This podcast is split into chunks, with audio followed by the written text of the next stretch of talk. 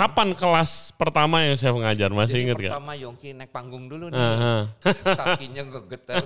Nggak biasa, belum pernah itu demam panggung banget. Karena papi saya nggak gitu suka kalau anak laki masak. Kelihatan banget chef itu passion, ngajar, bukan hanya masak doang tapi ngajar. Terus kelihatan semangatnya sih chef. Bisa terkenal dan sekolahan itu kalau bisa hanya makanan ini. Iya, yang hanya makanan Indo. Betul. Semua orang-orangnya nomor Hmm. satu dia masakan Thailand. Dan orang Thailand sering pergi ke luar negeri. Bawa tuh makanan jadi terkenal. Iya. Dan eh, kita punya anak training kan 58. Dah yang sudah selesai. Kita terimanya per 6 bulan tuh cuma lima orang Oke, sekarang.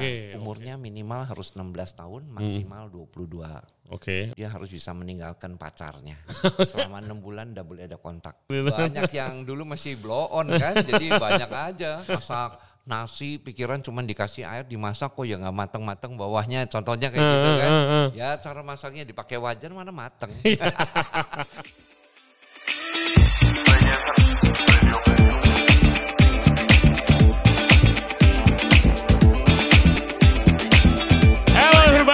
you very much for tuning into the show today. Kali ini kita kedatangan tamu yang chef legendaris nih, Chef Yongki Gunawan. Di umurnya yang 73, beliau masih semangat banget jadi seorang instruktur mulai dari pastry sampai makanan Indonesia. Di episode ini kita akan apa ya dengerin dia cerita tentang background story-nya dan kenapa dia sekarang tuh sangat-sangat menjunjung tinggi makanan Indonesia. Bahkan dia sekarang udah males masak makanan western katanya. Seperti biasa jangan lupa subscribe di Regency Radio Podcast di YouTube, Spotify, Apple Podcast, Google Podcast dan juga Anchor App. Follow kita di Instagram Regency Radio dan juga di TikTok. And without further ado, please welcome Chef Yongki Gunawan. Enjoy the show.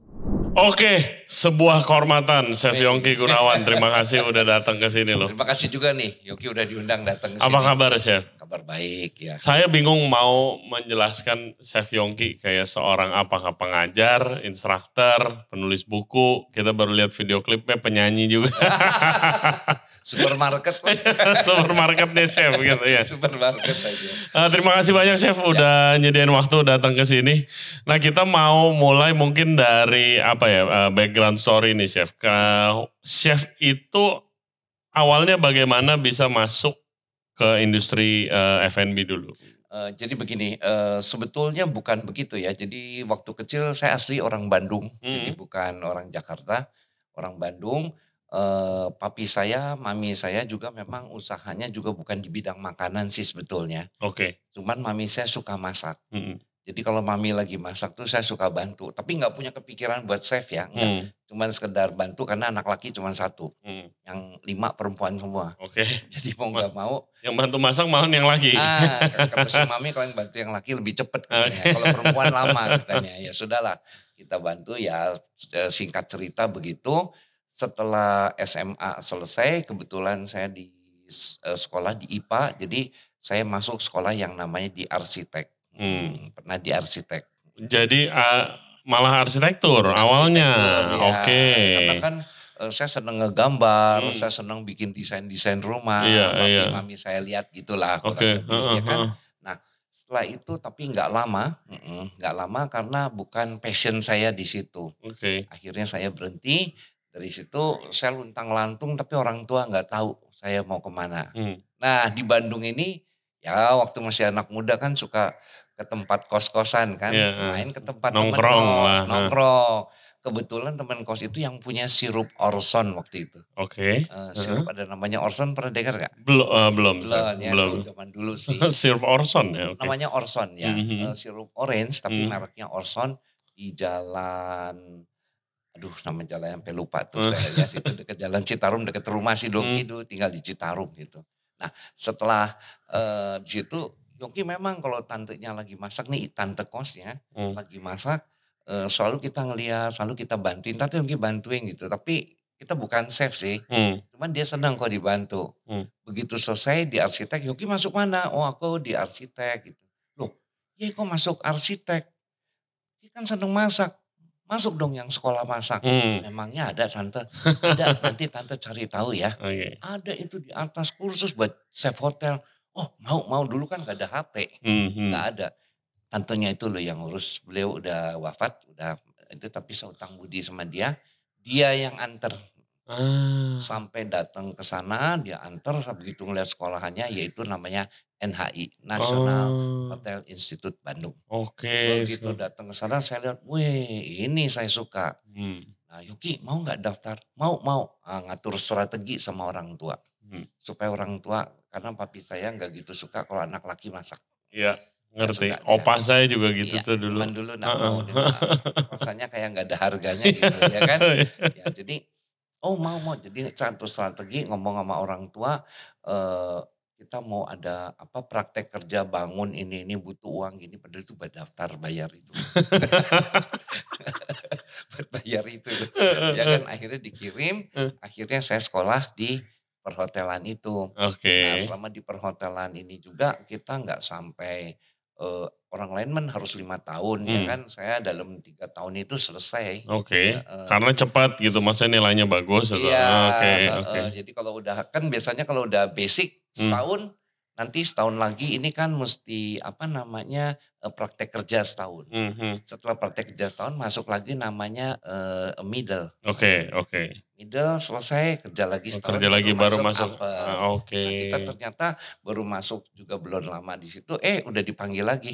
Nah, Hmm. yuk masuk middle aja. Sekolahan perlu karena sekolahan selalu ada namanya bangket. Hmm, oh, Nah, buat ya ada- buat bantu-bantu di situ betul, kan ya. betul. Jadi kan dia terima bangket dari Hmm. luar. Kalau nggak ada yongki itu suka kapiran. Harus ada di situ. Jadi Hmm. disuruh balik. Hmm. Nah yang kedua juga gitu. Itu malah cuma dua minggu atau tiga minggu udah disuruh balik.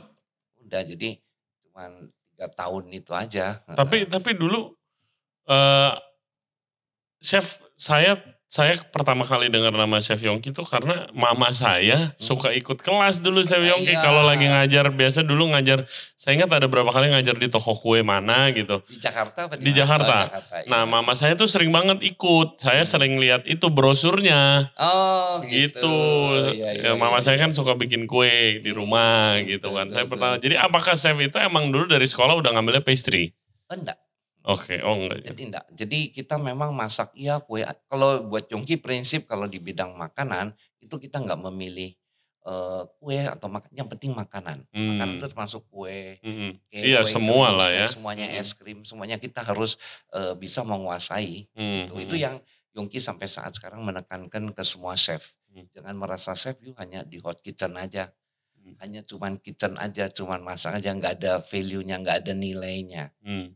Iya, jadi kalau bisa pastry, bisa itu jadi ada nilai lebih lah ya. Ya, ya. Seperti yang sekarang kan hotel-hotel chefnya udah terbentuk gitu. Hmm. Ada. Nah sekarang saya bentuk lagi supaya eh, ke masakan Indonesia. Hmm. Karena kalau bukan kita nih siapa lagi? Iya, Gitu. betul. Itu Yongki udah terbentuk lama. Hmm. Setiap bikin masakannya Yongki masuk NHI itu begitu diajarin eh, ini konsome, ini eh, chi- Iya. ini chicken soup, ini Mm-mm. milpoa dan bla bla bla ya. Basicnya makanan barat, ya. Barat, Hmm. eh, jadi mungkin kalau lihat, oh ini kita nih di sini memang dibentuk sebagai eh, pegawai Hmm. untuk kerja di hotel. Jadi Iya. Dia tidak Ya ada arahannya ke sana sih. Saya kira di luar negeri sama. Iya. Nah, Mm-mm.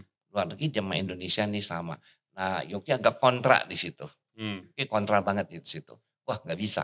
Hmm. Orang belajar nggak harus jadi pegawai. Hmm. Kita bisa ngajar mungkin sebagai kayak Yogi jadi guru. Nah di situ Yogi karena selalu ngajar, Hmm. Yogi passionnya ke guru.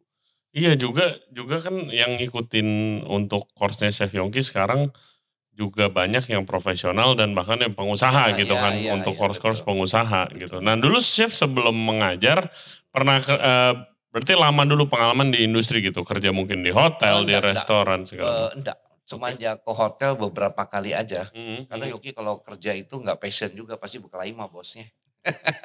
Karena merasa merasa kita juga bos gitu. Iya iya jadi iya Kurang cocok. Jadi Yogi lebih passion ke ngajar. ngajar. Ya, jadi, Nah kapan kelas pertama yang chef ngajar masih jadi inget gak? pertama Yogi naik panggung dulu nih. Aha. Pertama naik panggung waktu itu Yogi masih di NHI. Kebetulan dia ada kontrak dengan WIC, Women International Club. Oke Yang oke. ada di kota Bandung. Hmm, Banyak bule waktu itu. hmm, hmm, hmm. Wih itu naik panggung ngedek-dek, kakinya ngegetar. Nggak biasa, belum pernah itu demam panggung banget.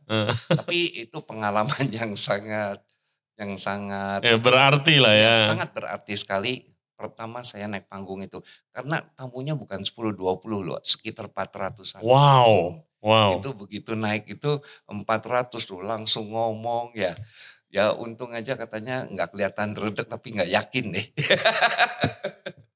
Dia nggak tahu Tapi, dalam hatinya gimana iya, deg-degan kita banget. nih aduh sampai panas dingin ya.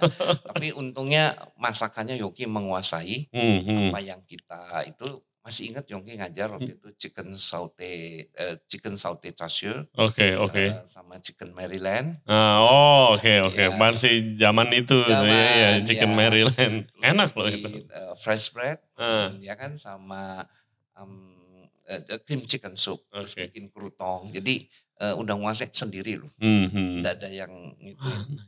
Itu mulai tahun berapa saya? itu tahun eh, di 79 masuk sekitar tahun 80-an Tahun 80, berarti 80, sudah 81. ngajar sudah berapa lama tuh? Berarti sudah. itu sebetulnya belum ngajar masih kuliah Oh masih kuliah, Iya. tapi kan udah mulai Iya, pengalamannya mulai. ya. Ya. Karena di kalau di perhotelan itu kita selalu eh, sama teman-teman saya yang manduin. Iya. Nih lu yang bagian ini ya. Heeh. Nih lu bikinnya ini kan banyak. Hmm. Si timbang ini lu udah biasa kayak gitu. Hmm. Ya ini maksudnya ya Chef Yongki kan guys jadi kayak bukti misalnya oke lulusan sekolah masak yang nggak nggak harus juga kerja di hotel atau di Ya. restoran mah ada banyak karir path Hmm. juga gitu kan ya. Berarti udah 40 tahunan nih Chef ya? 50. 50 tahunan ya? Iya.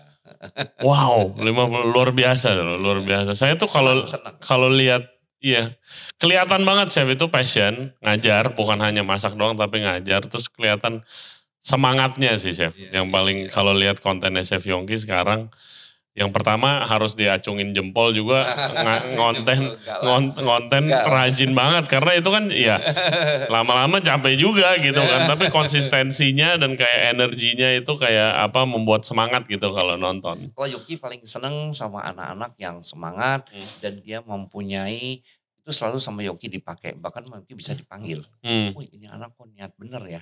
Oh dia bikin ini, oh dia bisa ini, bisa bikin apa aja. Oh bisa bikin, om udah punya program ini, om punya aplikasi. Eh datang datang sini.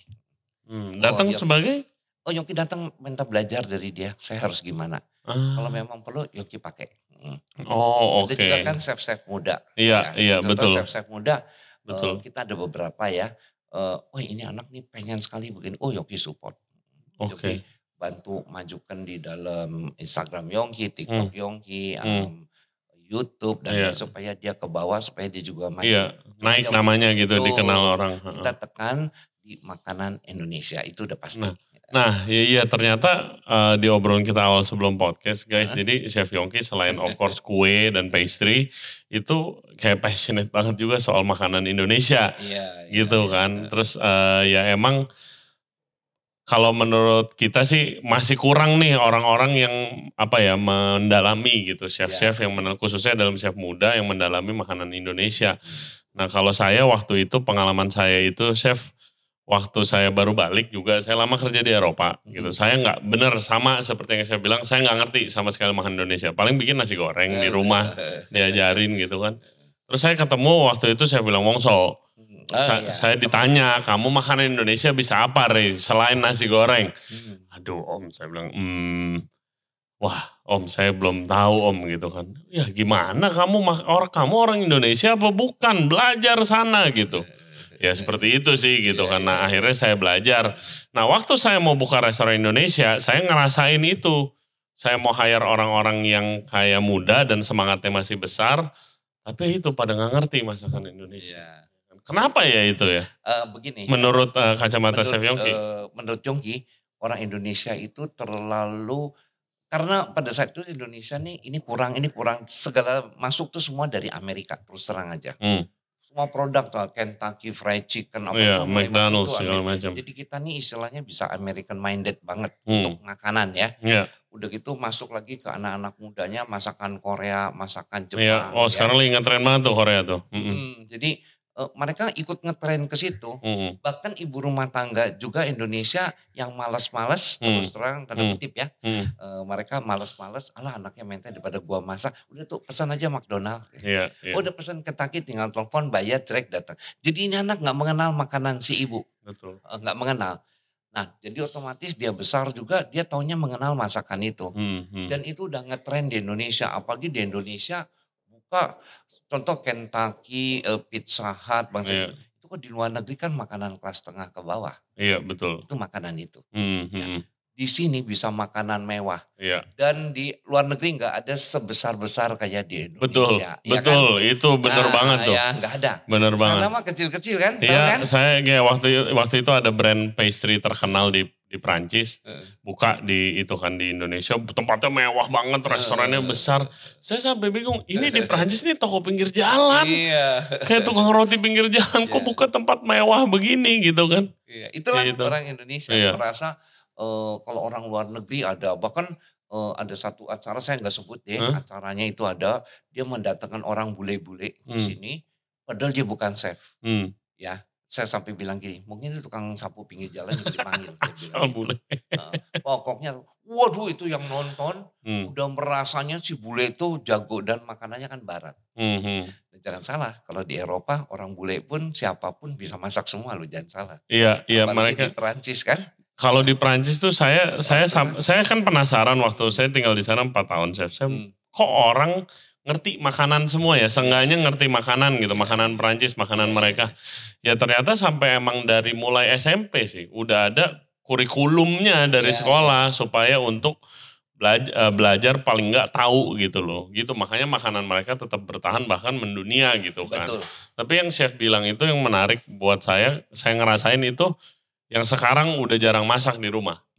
Gitu karena karena waktu eh, waktu eh, saya kan yang ngajarin makanan Indonesia kebanyakan tuh eh, almarhum nenek. Ya kan dia punya catering tuh. Oh, iya.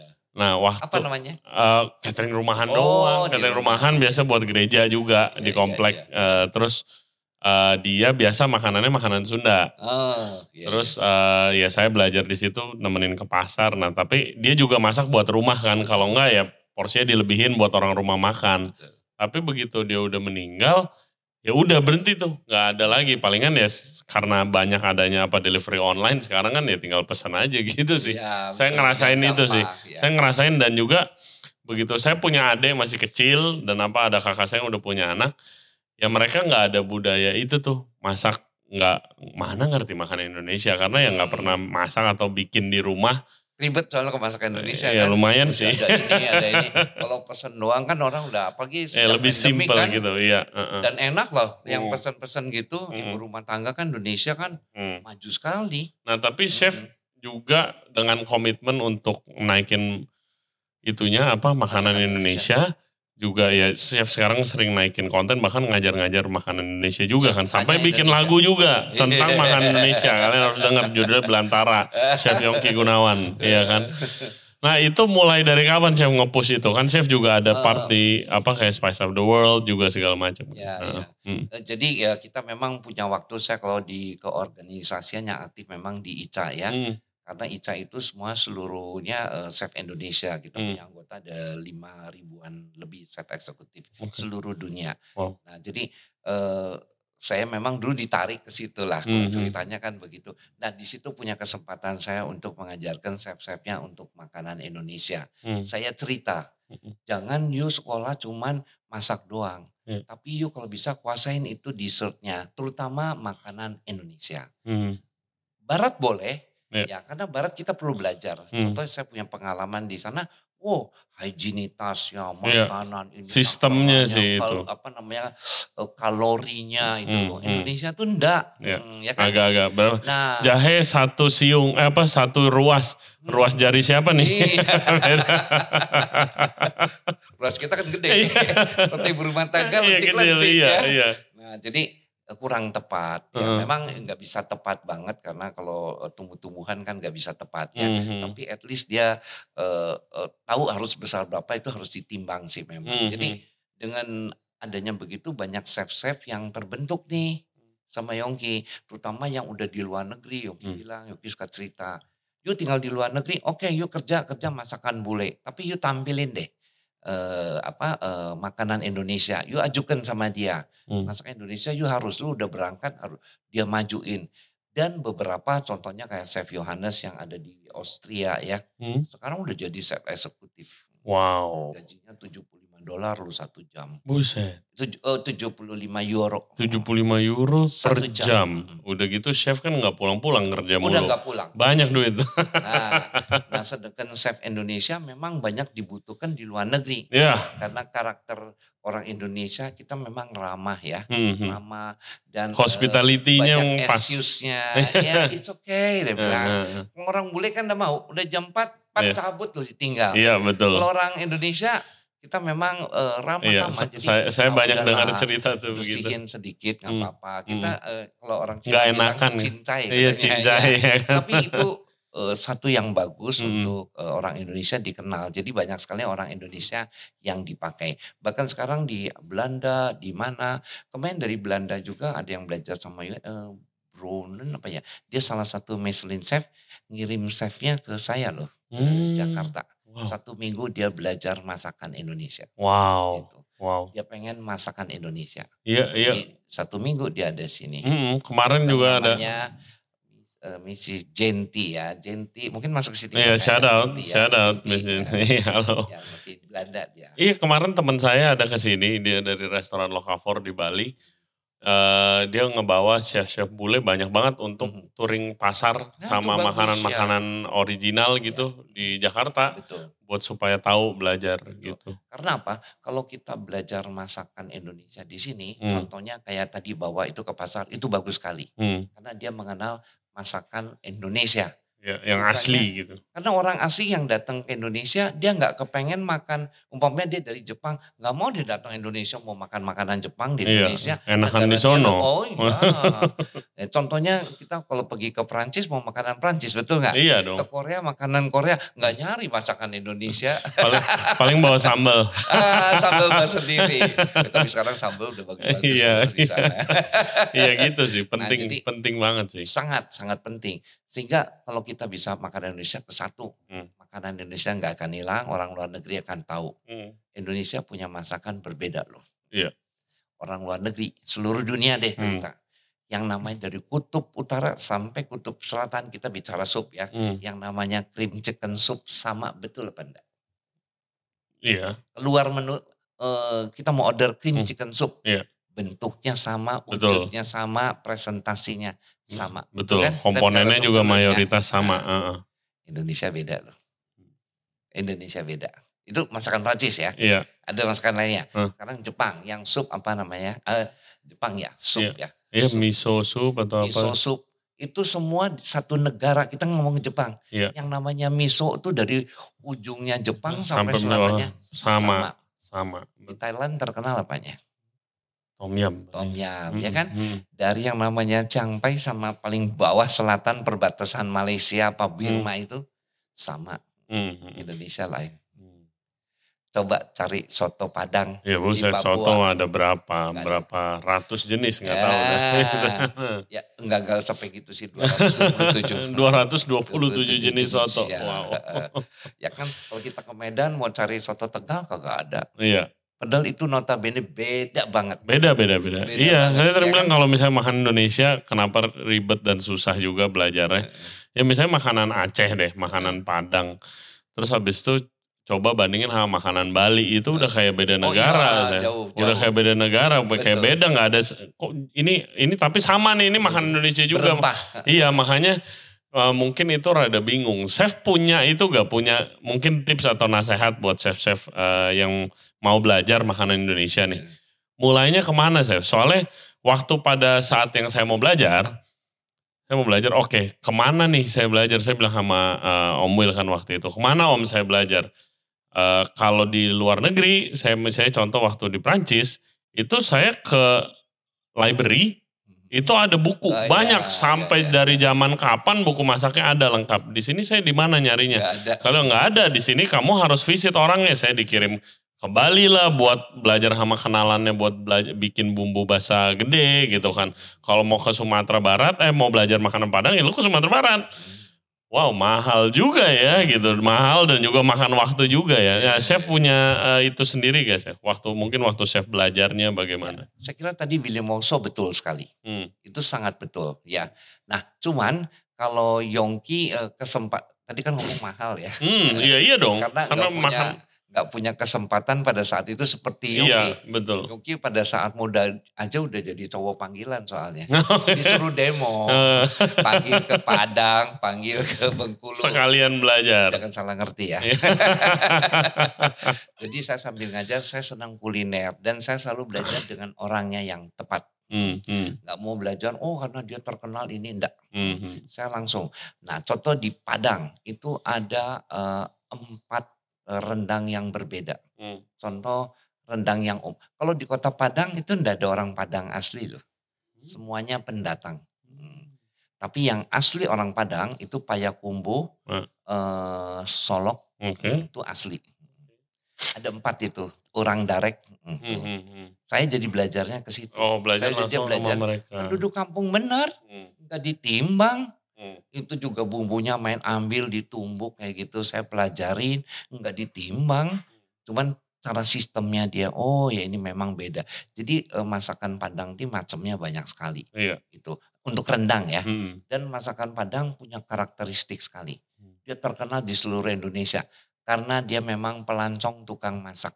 hmm. Jadi ke mana-mana dia buka restoran Iya, Padang. restoran Dan Padang. mudah orang datang makan dibilang mana kita suka benar nggak? Hmm, hmm. Itu yang bikin dia maju. Jadi kalau orang yang masih baru pertama belajar ke tempatnya.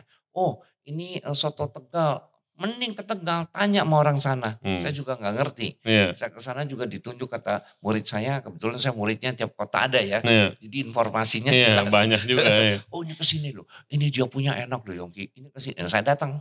Termasuk sate Madura, Hmm, ya kan? Masakan Manado wow Manado apalagi itu ke, ke tempatnya langsung.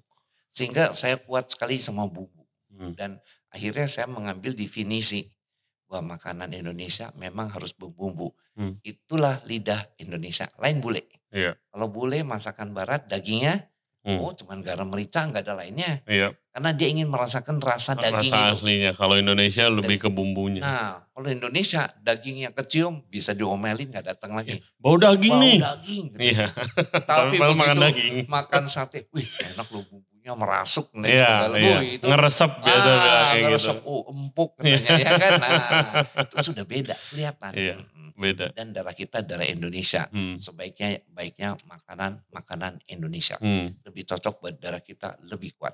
Iya pasti karena kan kita dari kecil hari-harian udah makan Indonesia Itu gitu kan. ya walaupun eh Ya berapa kali sih makan makanan barat dalam seminggu boleh, gitu kan. boleh, ya. boleh. Bukannya enggak. Di Hmm. rumah saya juga anak-anak cucu Hmm. Kita kasih sekali-kali. Tapi enggak boleh terlalu sering. Hmm. Karena yang paling kita sering adalah makanan Indonesia ajak warung. Jadi ngerti. Hmm. Mereka mengerti dengan eh, masakan Indonesia. Cukup krusial sih untuk Indonesia.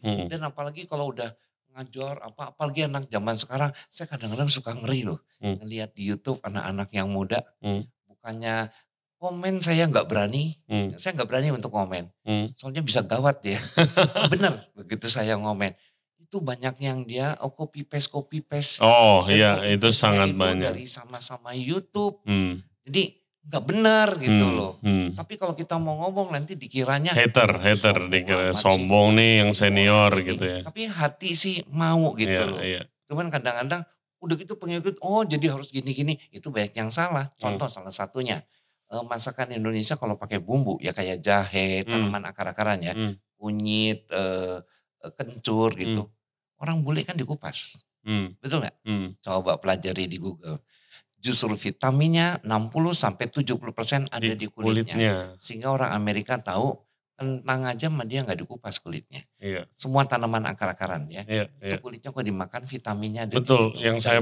saya belajarin waktu saya ke daerah-daerah yang Hmm. kayak seperti Chef Yongki tadi, Mhm. nggak ada yang dikupas. Semuanya, memang iya, kunyit, jahe, apa ya dicuci mereka bersih. lebih tahu Iya. tentang kesehatan daripada anak modern sekarang. Dicuci bersih apalagi saya paling ngerti loh kalau gaya-gayanya eh, selebriti itu. Hah? cuman dia eh, action masaknya ndak ada. Hmm. yang ada dia actionnya lagi motong. Terus lagi potong. Uh itu detailnya luar biasa ya kan? Ya shootnya ya, tapi iya.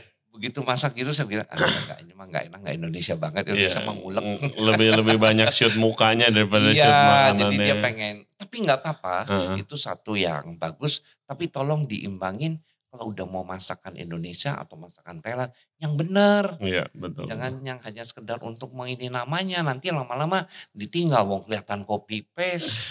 Keli iya kelihatan banget sih sempat juga diskusiin juga sama ya ada teman-teman selebriti chef di sini uh, chef kenal chef Will Ghost kan Kenal, ya kan tahu. uh, dia saya sempat nanya juga kenapa sih kok akhirnya jadi lu bikin ini dia bikin ini ya sama semua Iya. dong nggak ada ya bu- maksudnya kayak bikin eh ya tapi itu kan ada ada strateginya juga kan di balik Iya, itu iya, mereka iya, iya. kenapa begitu gitu Iya. kan Gak apa-apa kalau Wilgos kan memang untuk anak muda. nah, iya, anak muda kan dia mau yang simple, yang dan praktis gitu. Ya, semua bisa semua bisa praktis. ngikutin lah teman-teman saya benar. banyak banget yang nggak di industri F&B tapi ya dia nontonnya Wilgo karena ribet. Gue nonton video lu nggak ngerti Ray gitu kan. Tapi kalau dia nonton video Wilgo dia bisa Ya, ke supermarket dan belanja. mudah diterima dan dia bisa praktek barang Hmm. mudah didapat Hmm. tapi itu bagus Jongki bilang nah cuman kalau menjelaskan apa apa itu banyak Iya, yang harus lebih agak detail. meleset Hmm. Eh, Nah, Chef eh, peminat yang ikut ke eh, chef yang ngajar makanan Indonesia. Berbanding dengan yang pastry karena Mhm. pastry kan banyak banget orang Iya. buka toko online simple gitu pengusaha kan lebih banyak mana chef? jadi gini pastry masih dibagi dalam tiga kategori Hmm, kalau masakan cuma dua kategori kan Hmm. masakan luar negeri sama masakan Indonesia iya, tapi kalau pastry kan untuk Indonesianya kan ada hmm, iya, dan luar neg- eh, satunya lagi ada lagi yang namanya ke dessert hmm, iya, dessert ya, Ya, iya, ada satu lagi yang dessert. namanya cake decorating Hmm, Dan oke. sekarang ada satu lagi yang namanya eh, snack asin manis. Ah, Nah, itu beda. Itu adanya di pastry. Oke. Nah, se- sedangkan ini Yogi belajar semua. Hmm. cake decoratingnya juga. Belajar. Kita memang eh, suka bikin kan, bisa di itu. Hmm. Untuk itu detailnya, cara bikin ininya, ya itu kan. paling paling saya nggak bisa kayaknya. Eh, sebetulnya bukan nggak bisa. Ada orang, eh, eh, ya ini supaya buat pelajaran Hmm, orang yang hmm. mau lihat, aduh gua mah nggak passion Yongki, Hmm. mau suruh bikin menghias-hias kue kata siapa. Hmm. Di rumah Yongki yang kerja itu anak buah. Hmm. Memangnya dia masuk udah pinter. Iya, Ya enggak. Tukang kebun, tukang sap, eh, tukang sapu, Ya. tukang macul. Diajarin. Diajarin karena kesehariannya Hmm. lebih jago dia loh daripada Yongki. Bisa karena Nah, biasa. Itu dia nggak sekolah. Memangnya di kecil di rencananya bakal masuk Eh, di kue. Mereka juga. menguasai chef selebriti lah atau chef Eh. profesional kalah mana kue Iya, Yongki. belum tentu. Betul. Eh, itu mah betul. ya, Ya, coba dulu. Lebih banyak eh, Hmm. apa? Praktek. Lebih banyak praktek, ya kan? Hmm. Dan kalau Yongki kan kerjanya semua kerjaan Yongki terima. Hmm. Mau pesen kue pengantin, mau bikin es krim lah, mau snack lah, mau masakan asal Indonesia ya. Bahkan enggak, enggak. Jadi terima. Jadi semua luar harus biasa. harus ngerjakan termasuk anak training. Saya baru-baru ini nonton video Chef Yongki yang lagi ngajar bikin kue nastar. Oh ya. Saya sampai setelah saya nonton tuh saya kemarin belum lama nongkrong sama pastry chef, saya malah saya diskusiin gitu. Hmm. Saya kukus tepung. Hmm. Kayak apa? Iya jangan lupa kukus tepungnya buat nastarnya cuy. Saya sampai ah, ada pastry chef eh, dia heb- hebat banget lah menurut saya namanya Keisha. Saya bilang, lu pernah gak seumur umur di pengalaman lu luar negeri tepung lu kukus buat apa gunanya? Dia sampai bingung, hah tepung dikukus Re, buat apa ya? Kan jadi basah. Nah itu gua kagak tahu apa gunanya. Apa sih gunanya sih? Oh, Oke. Tepung dikukus. Oke. Jadi itu begini. Eh. Kenapa itu tepung dikukus? Heeh.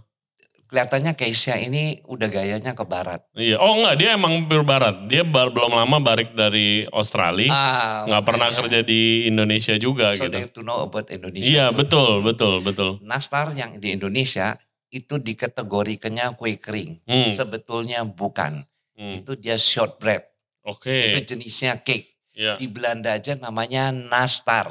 Hmm. Nastar artinya kue nanas. Iya iya. Di nastar. Taiwan namanya pineapple cake. Iya pineapple Di cake. Indonesia jadi nastar dibikin segede-gede gitu. Iya. heeh, Jadi heeh. dikategorikannya kue kering. Hmm. Orang makan nastar itu bukan makan kue kering. Nah, nastar Iya. ini nggak bisa dibikin pakai eh, tepung yang tidak dikukus. Hmm. Karena dia akan kering. Karakternya nastar kalau dimakan ciwi. Iya, Ya. mestinya yang mantep Betul. tuh itu legit gitu Ciwi, kan. ciwi. Hmm, hmm. Dalamnya masih Hmm. basah. Hmm. Di Indonesia dia banyak yang bikin kering. Saya bilang salah. Karena image-nya udah Yongki, kue eh, kering. gimana Yongki supaya dia ciwi? Kalau Yongki bikin ini. Karena Yongki belajar dari nenek Yongki. Ah. Nenek Yoki ini Belanda-Belandaan ngomongnya Holland Sprikenan gitu. Hmm. Dia selalu setiap hari ngukus. Ya kita namanya cucu ya, ay sudah bantuin lah pokoknya. Hmm. Jadi kagak ngerti maksudnya. Hmm. Tapi setelah gini kita pelajari, memang iya kalau dimakan dia garing. Kalau makan nastar garing, nggak enak. Nggak enak. Hmm. Jadi tengahnya harus kayak melempem gitu.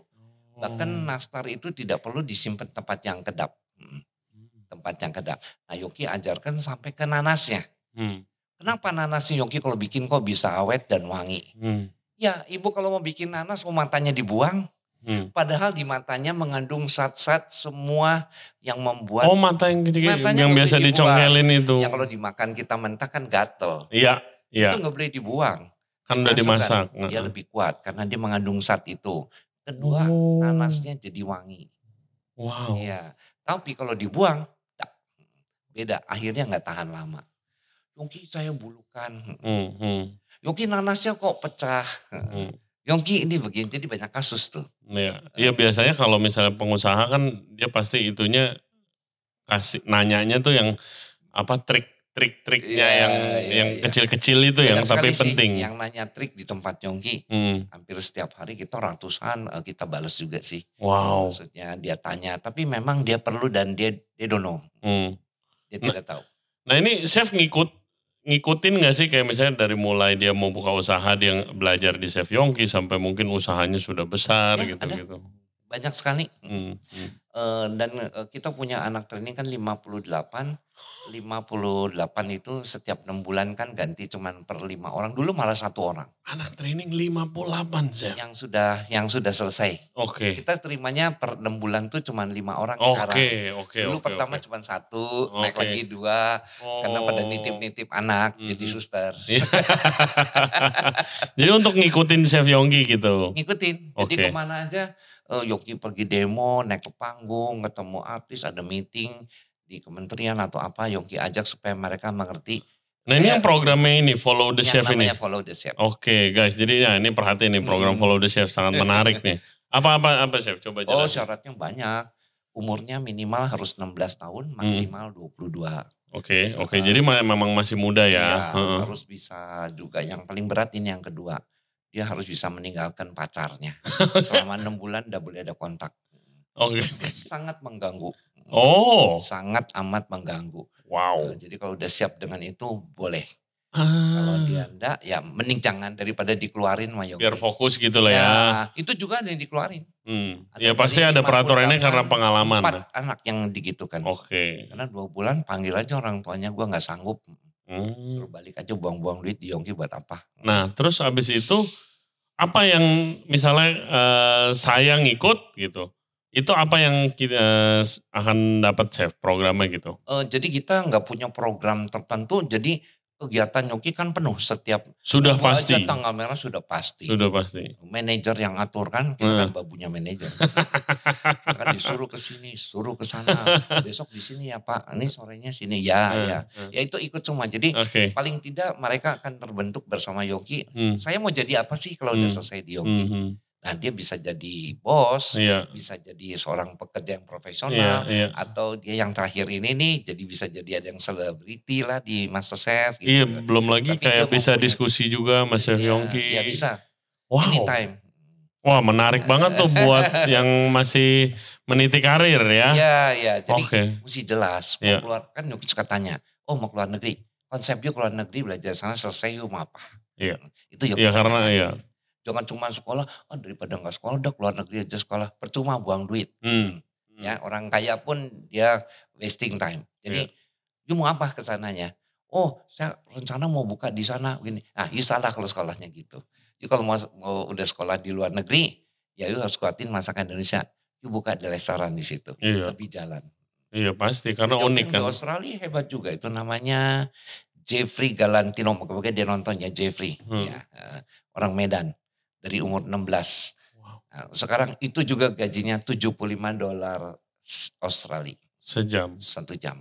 Oh. Tadinya dia belajar mau ke Australia, dia deket sama Yongki, dia kue-kue Indonesia sama Yongki dimasukin kerja ke tempat orang bule. Hmm. Sudah masuk ke tempat orang bule, Jeff lu ngomong, saya bisa kue-kue Indonesia. Iya, pasti Saya- kan menarik banget kan. Itu bosnya langsung bersambut.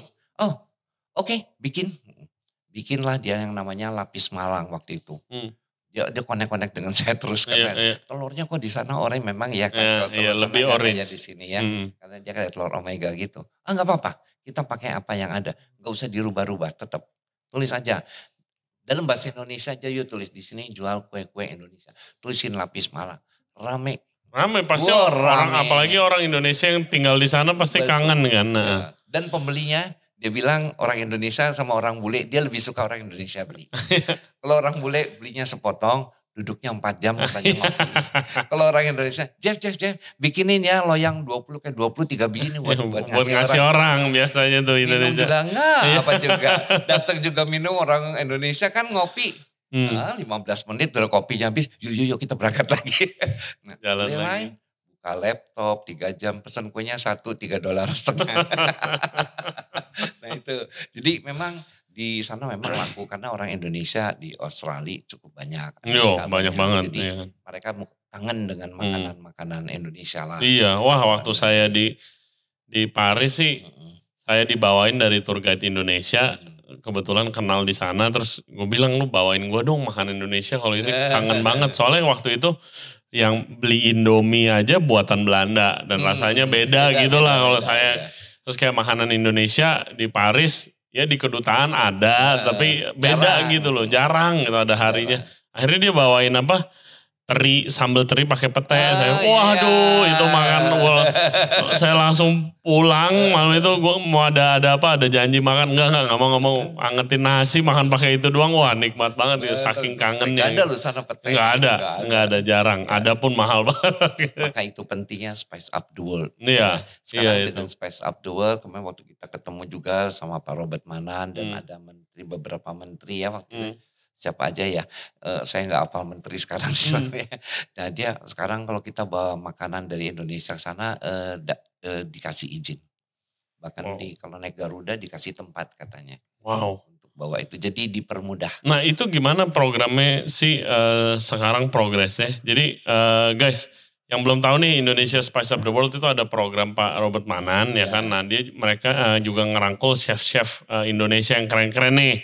Ya kan ada Chef Yongki, ada Chef Om William Wongso juga. Banyak, Terus eh, Chef Ragil, Chef Ragil sudah pasti. Juna semua. Kalau di luar itu Chef Yono. Oh iya, Chef Ya kan Yono, Chef. Yono Amrik. juga eh, itu kayak semuanya lah chef-chef keren ini eh, ya membantu program Spice Up the World yang goalnya itu supaya restoran Indonesia ada di mana-mana. Betul. Gitu kan dengan itu seperti tadi yang Chef Yongki bilang makanan Padang dia buka di seluruh Indonesia makanya terkenal makanan Iya. Padang gitu kan. Nah misinya itu kan. Nah Nomor satu loh di dunia, apa? masakan Padang. Oh iya. Rendang, rendang. Iya nomor rendang kan satu. waktu itu nomor satu. Kedua nasi goreng. Hmm. Nah itu programnya progresnya bagaimana sih Nah, sekarang? Lebih tepatnya, Hmm. kalau Yoki ini kurang tepat. Hmm. Karena kita nih sebagai anggota aja kita bantu. Sebaiknya nanti Yongki kenalin sama Pak Robert Manan Oh boleh banget. atau Pak eh, Pak Menteri. Pak Menteri siapa ya Hendra ya waktu itu ya? Eh, yang kita datang ngobrol siapa? Aduh itu sampai lupa.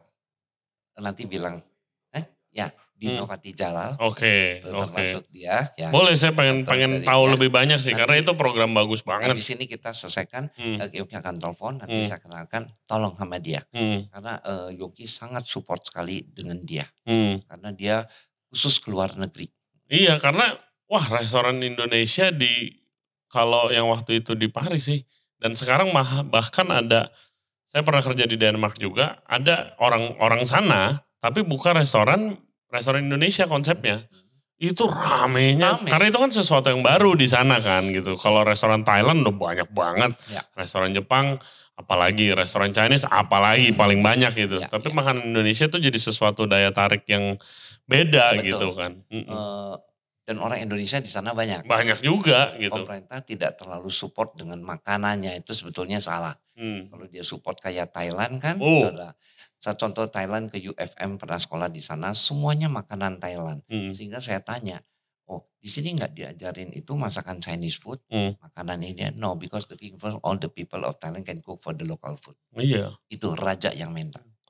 Sehingga- langsung dari raja ya langsung emang. raja, raja yang minta.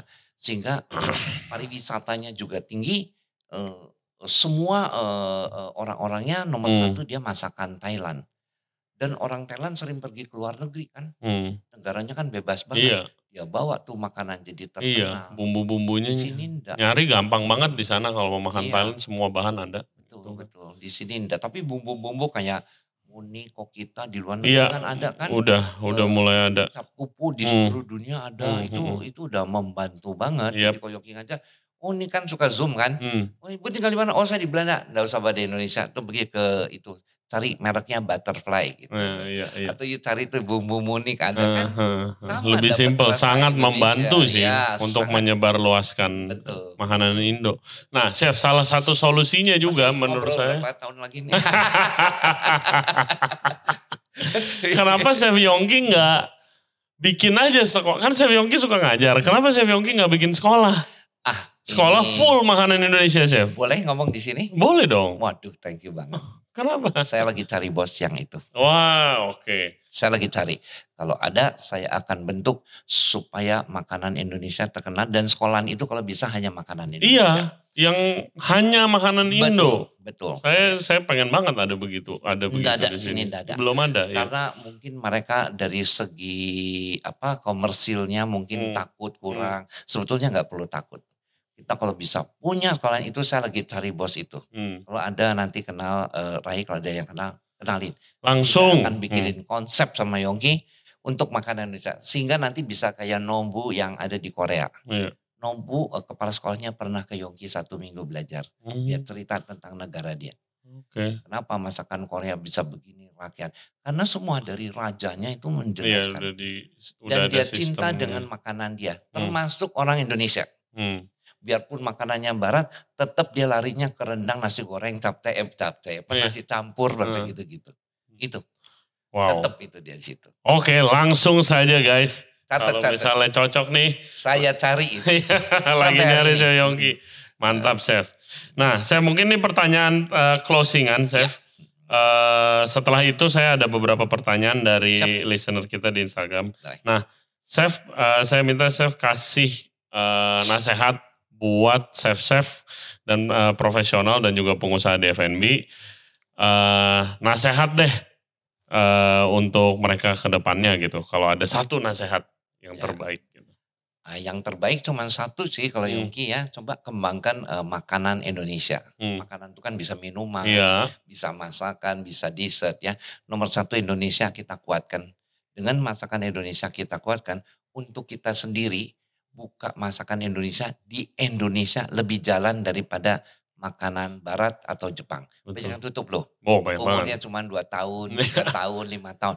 Coba masakan Padang. Hmm, The Oh, ada legend-legend. 10 tahun, 15 tahun atau buka masakan Indonesia. Iya. Oh awet-awet. Nah soalnya makanan kita. Iya, betul. Kesannya juga nggak mahal, Hmm. murah. Andai pun mahal juga nih kayak jonggrang, kayu-kayu. Oh, itu juga tetap bertahun jalan. Oh, Wuh. bertahun-tahun itu. Nggak berhenti-berhenti. Kasih rendang aja nasi, dikasih rendang, kasih kerupuk doang. Hmm, Eh, eh, apa namanya? Udah berapa? 300 ribu Iya, ya. iya. Tapi- manajer Dongki kemarin kirim ke Jepang. Hmm. Karena kita ada undangan ke sana kan, cuma Oh. Dongki nggak bisa datang sakit ya, jadi dia yang berangkat. Eh, dia juga restoran Indonesia ya, Hendra ya. Hmm. Ada beberapa restoran dia makan itu orang Jepang semua yang makan loh. Dan dia fine dining. Wow, Hmm, di Jepang. Ya itu meeting manager yang cerita karena dia yang Yoki berangkat Di kota mana? di Tokyo. Wow, wah Ya. keren banget tuh. Nama restoran apa? Ntar kita share. Apa namanya tuh? Sahrini ya, Oh, Reno Oke. ya fine Wow. dining. Kita diundang waktu Keren, itu. keren, keren, keren, keren. Oh, keren banget. Ini mau pergi juga nih ke Korea, cuman Waduh, saya ada manajer juga. lagi kan. Bukan kerjaan jalan-jalan terus enak nih. kali ini mesti datang. Aku udah bilang kita harus tepatin karena waktu itu nggak bisa datang. Eh, Kali ini saya mau datang, saya mau biaya sendiri. Saya bilang. Wow, mantap, mantap. Nggak butuh, saya angkatin koper chef nggak bisa. Oke, Oke. eh, chef ini ada, kita kemarin udah nanya karena chef Yongki mau datang. Kita sebar per- eh, foto chef Yongki di Ah. sosial media kita. Kita diri. kita tanya, ada mau nanya apa nih ke Chef Yongki? Ini ada beberapa pertanyaan ya, Chef. Eh, pertama dari Agung Agung APRLN. saya pernah bikin stupid mistake gak yang diinget sampai sekarang? Oh, eh, ada sih. Nah, Banyak. Yo, banyak pengalamannya udah Banyak. banyak banget gitu. Banyak yang dulu masih blow on kan. Jadi banyak aja. Bikin-bikin yang istilahnya di luar nalar kita lah. Saking bodohnya kan. Wah nggak bisa disebutin, wah banyak. Masak nasi pikiran cuman dikasih air dimasak kok ya nggak mateng-mateng bawahnya contohnya kayak gitu kan ya cara masaknya dipakai wajan mana mateng mestinya kan dikukus gitu Iya, iya. contohnya Waktu Banyak. belum pengalaman. Iya, Mm-mm. Pengalaman udah 50 tahun lebih. Kalau salah justru yang paling banyak Ah, bikin itu. salah. salah Iya kan? itu adalah ilmu Iya, bikin, Salah bikin belajar gitu. ilmu. Oke, mantap. jangan takut sama salah Yes, betul Chef, setuju banget. Lanjut, eh, ini dari Prastio Eka 86. Pernah gak buat kue tapi bantet banget Chef? oh ya pernah itu Iya. termasuk tadi Termasuk tadi salah. Betul. Salah, salah. Karena nggak ada background, langsung bikin kok yang nggak naik-naik. Ternyata mentega nggak boleh kena minyak kan jadi tahu. Iya, Oh, iya, kan iya. Jadi, jadi tahu. Betul, gitu. betul. Wah dulu saya bikin bantet dulu. Sama, pasti orang yang sukses akan mengalami. Iya. Dari situ itu ada Prosesnya lah. mahal. Iya, ya. betul. Nah ini lanjut dari Sandi Eka Asmoro. Hmm. Chef Yongki pernah gak pas misahin telur udah banyak dapat telur busuk terus buang semua. Oh pernah. itu kan pernah kalau banget. pastry chef pasti pernah. Pernah. Maka itu selalu Yongki tekankan kan kita bicara tentang telur kan di Iya. YouTube itu Eh. banyak yang tanya tapi Yongki jelasin. Hmm. Makanya telur yang baik umurnya harus lima hari gitu. Hmm, nah, iya. coba nanti lihat di YouTube aja. Yes, langsung cek videonya di YouTube guys. Pasti pernah sih itu. Pernah, Iya. pernah. Yang terakhir chef dari cerita Rani, apa harapannya untuk para home baker atau chef junior Hmm. ataupun influencer di baking agar dunia baking Indonesia semakin maju, chef? Ya eh, harapannya Yongki ya kita kembangkan eh, makanan kue tradisional Indonesia kan. Hmm. Kita sebut namanya kue basahan atau tradisional Indonesia. Wah itu jarang banget tuh Ya, chef yang muda jarang. eh, bisa gituan. Tapi ada beberapa saya punya kandidat banyak anak muda dan saya tekunin Hmm. dan saya masukkan ke beberapa sponsor kan Hmm. kayak seperti Bola Daily, tepung beras Iya. dia pakai dan memang saya lagi tekankan supaya bisa tahu orang Indonesia kue mangkok, Iya. Cucur di Iya. Indonesia. Karena itu nggak ada lagi tuh. Tidak ada, tidak ada. Cuma kita doang yang Nggak punya sebanyak itu Iya. jajanan pasar gitu. Chef yang pada di itu semua bisanya yang ini. Hmm. Tapi di YouTube juga kita mesti bijak ya. Hmm. Kita lihat siapa yang bikin. Hmm. Jangan hanya sekedar cuman tampang-tampang aja. Mending itu tinggalin deh. Hmm. Tapi ada juga dia seorang ibu rumah tangga. Iya. Ya kan banyak itu. Oh itu Dia justru itu yang dicari. Itu kita mesti belajar sama Ah, dia. Itu betul. jago tuh. Hmm. Dea Lika apa-apa Hmm. gitu ya. Lani Rustam tuh sama Menel. Dapur Menel tuh. Hmm. Itu memang ibu rumah tangga. Sedikit itunya. Tapi Itu saya pengalamannya. pelajari, Iya harus lihat yang kayak gitu. Iya betul betul. Jadi masakan makanan Indonesia juga bagus kayak kue Hmm. basahan. Orang tuh basahan, begitu tanya basahan, bakery aja tanya apa itu? Ya kue yang ada airnya. Padahal bukan. itu salah satu ritual Jawa Tengah Hmm. Kesultanan Hmm. yang ada acara namanya basahan. Ah. Di mana semua makanannya harus manis karena supaya hidupnya manis. Oh, wah. Dan dia selalu dimandiin. Itu namanya basahan. Iya, Jadi kata basahan itu berasal dari eh, Kesultanan Jogja Solo. iya, wah. Tahu sejarahnya juga guys, luar biasa. Sedikit tahu lah. Chef ini kita bisa dua hari Ya, nggak podcastnya. apa-apa, mau tambah lagi waktunya. Bosan nanti dilempar. ya. Nggak berhenti ngomong. Iya. Terima kasih banyak Oke, Chef terima kasih. buat Ya. waktunya. Saya senang banget bisa kenal sama Chef hari Ya, ini. Ya, Eh, sama-sama, Yuki juga senang. Terima kasih. semoga sukses terus dan Ya, semangat terus Chef untuk apa me- menjadi apa guru yang paling Iya, baik nih iya, iya. untuk ya semoga makan Indonesia lebih maju Lebih lagi. maju Chef. lagi, lebih dikenal kan. Kalau nggak kita siapa lagi? Ya. Terutama yang muda-muda kayak Rai begini, ya kan? Terus teman-teman yang lainnya ya. Ya. Jangan lupa makanan Indonesia, kue-kue Indonesia. Yes. Supaya kita nanti jadi terkenal lah. Iya bisa dikenal gitu produk Iya. kita. Kapan gitu. mau undang Yoki lagi kira-kira? Waduh. Wah, Hendro catat ya. iya, langsung dicatat nanti kita. Senang sekali Yoki, karena semuanya serba mendidik, Hmm. makanya Yoki mau. Dan dan satu lagi Chef, semoga eh, segera dapat tuh eh, investor buat sekolah Oh iya iya masak iya, Indonesia. siapa tahu Rai sendiri. Iya. karena dia ada niatan tuh tadi ya. Tadi Aduh. dia ada niatan. karena benar karena pen- menurut saya itu bakal keren banget sih, Benar. Chef. Bakal keren Itu banget setuju dan banget, sangat berguna, iya kan. Itu harus ya harus. Saya suka sekali. Thank you banget ya guys Oke, buat yang you. udah dengerin dan yang udah nonton podcast kita sama Chef Yongki Gunawan. Jangan lupa subscribe di Regency Radio.